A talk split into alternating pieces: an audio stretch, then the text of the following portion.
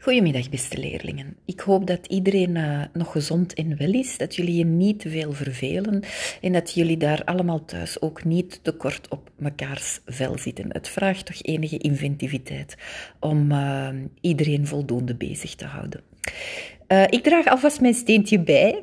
En uh, vandaag gaan we het even hebben over het behaviorisme. En uh, in een volgende podcast zal ik ook al het humanisme bespreken.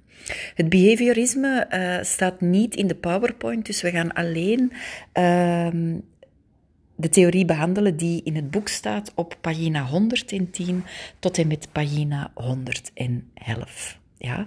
Het behaviorisme, en dat is voor velen misschien een beetje verwarrend, is uh, in C de voorloper van Bandura's uh, sociaal-cognitieve leertheorie. Uh, als we verder gaan kijken, en dat is volgend jaar vol, vooral in het zesde jaar, waarbij we de therapierichtingen uitgebreider gaan bekijken, ga je zien dat het, het cognitieve stuk van die leertheorie eigenlijk een verderzetting is van een soort van uh, conditionering die we bij het behaviorisme zien. Ja, dus behaviorisme, jullie horen het woord daarin, behavior, dat hebben we ook al heel vaak in de les uh, gezegd. Dus belangrijk, zoals in die eerste zin staat, waarneembaar gedrag. Ja? Uh, het gaat veel minder over de interne processen die eigenlijk bij Freud wel uh, centraal stonden.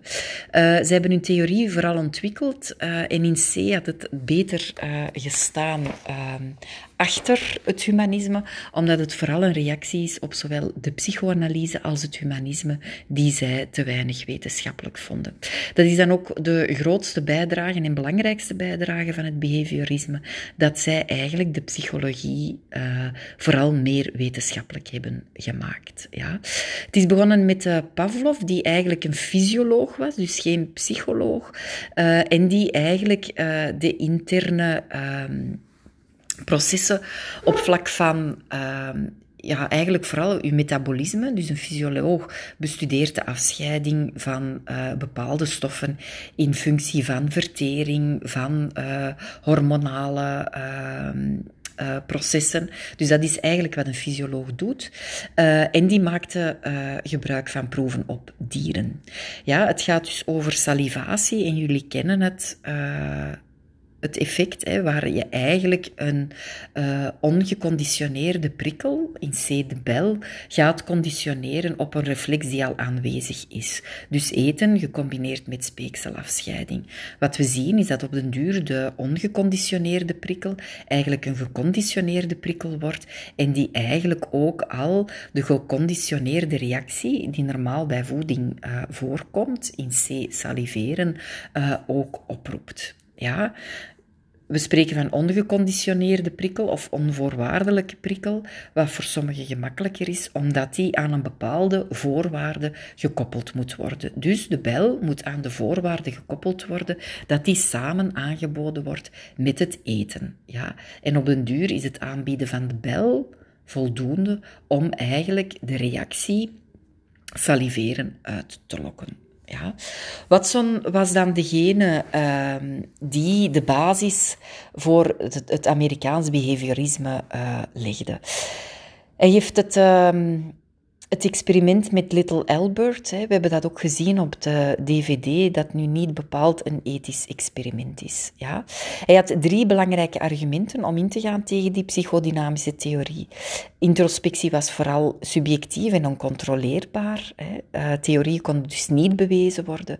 Uh, termen als bewustzijn en bewustzijnstoestanden uh, zijn moeilijk correct te definiëren. Dit is belangrijk in het in kader van onderzoekscompetenties, hè, dat je eigenlijk altijd moet zien hoe dat je een term gaat meten. Uh, Watson was dus vooral belangrijk voor uh, kwantitatief onderzoek, daar waar je bij Freud zou kunnen zeggen dat hij vooral kwalitatief dingen gaat meten. Ja. En introspectie onderschat de rol van de omgeving, die volgens de Watson de aanleiding is tot verschillen tussen mensen. Dus daar zitten we vooral bij uh, nurture. Hè. Uh, waar Freud toch eerder wel wat de nadruk legde op nature.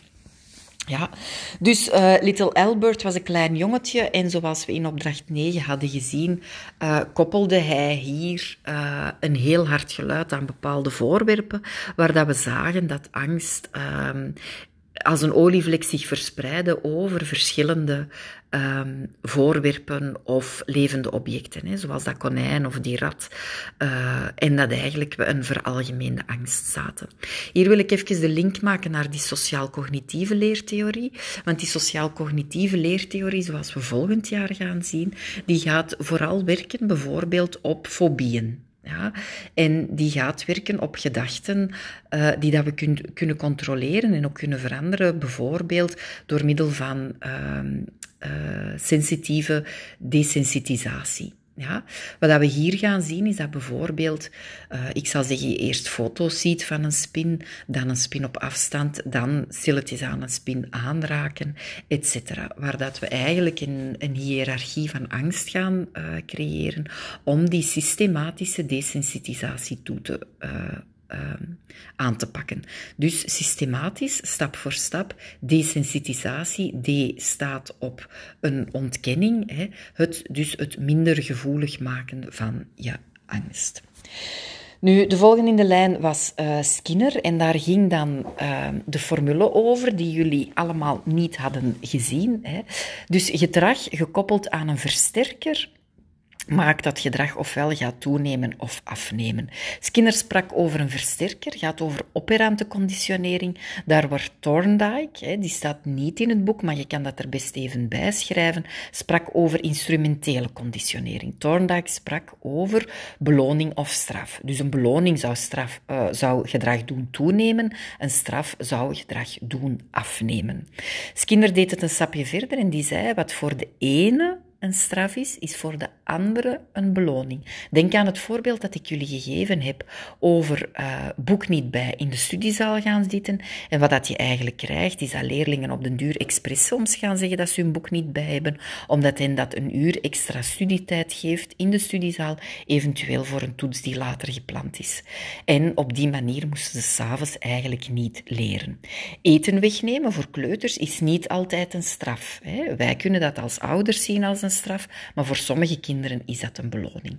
Dus kinderen die legden de nadruk op, je moet eigenlijk zien welke functie dat een bepaald gedrag heeft om te weten wat dat je moet doen. In die zin moet je weten welke functie dat, dat eten voor die kleuter heeft, om te zien of dat, dat inderdaad een beloning of een straf is.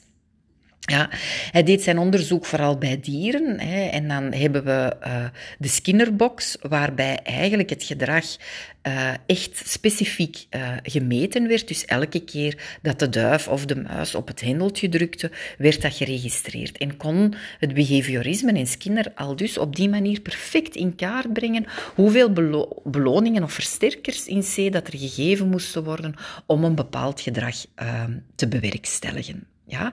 Stel dit dier het foute gedrag, dan kon het gestraft worden, eventueel met een elektrische schok. Um, ethisch gezien zijn dat ook niet de meest fijne experimenten. Ja? Als een beloning niet automatisch volgt op het positieve gedrag, maar met variabele intervallen het gedrag langer bleef bestaan. En hij probeerde op die manier ook menselijk uh, gedrag te verklaren. Dus we spreken met het conditioneren, waarbij ze het dier aanleren om een associatie te maken tussen twee factoren. De opdrachten hebben we allemaal uh, samen gemaakt. Hè. Uh, dus ik zal nog eens even de oplossing geven van A. Dus behavioristen zeggen enkel iets over uiterlijk waarneembaar gedrag. Die gedragingen kan je allemaal weernemen, waarnemen, net als de stimuli die men geeft en wijzigt. Dus observatie is een essentieel onderzoeksonderdeel uh, en onderzoeksmethode van deze stroming. Volstaat het behaviorisme om iets te zeggen over eigenheid van mensen?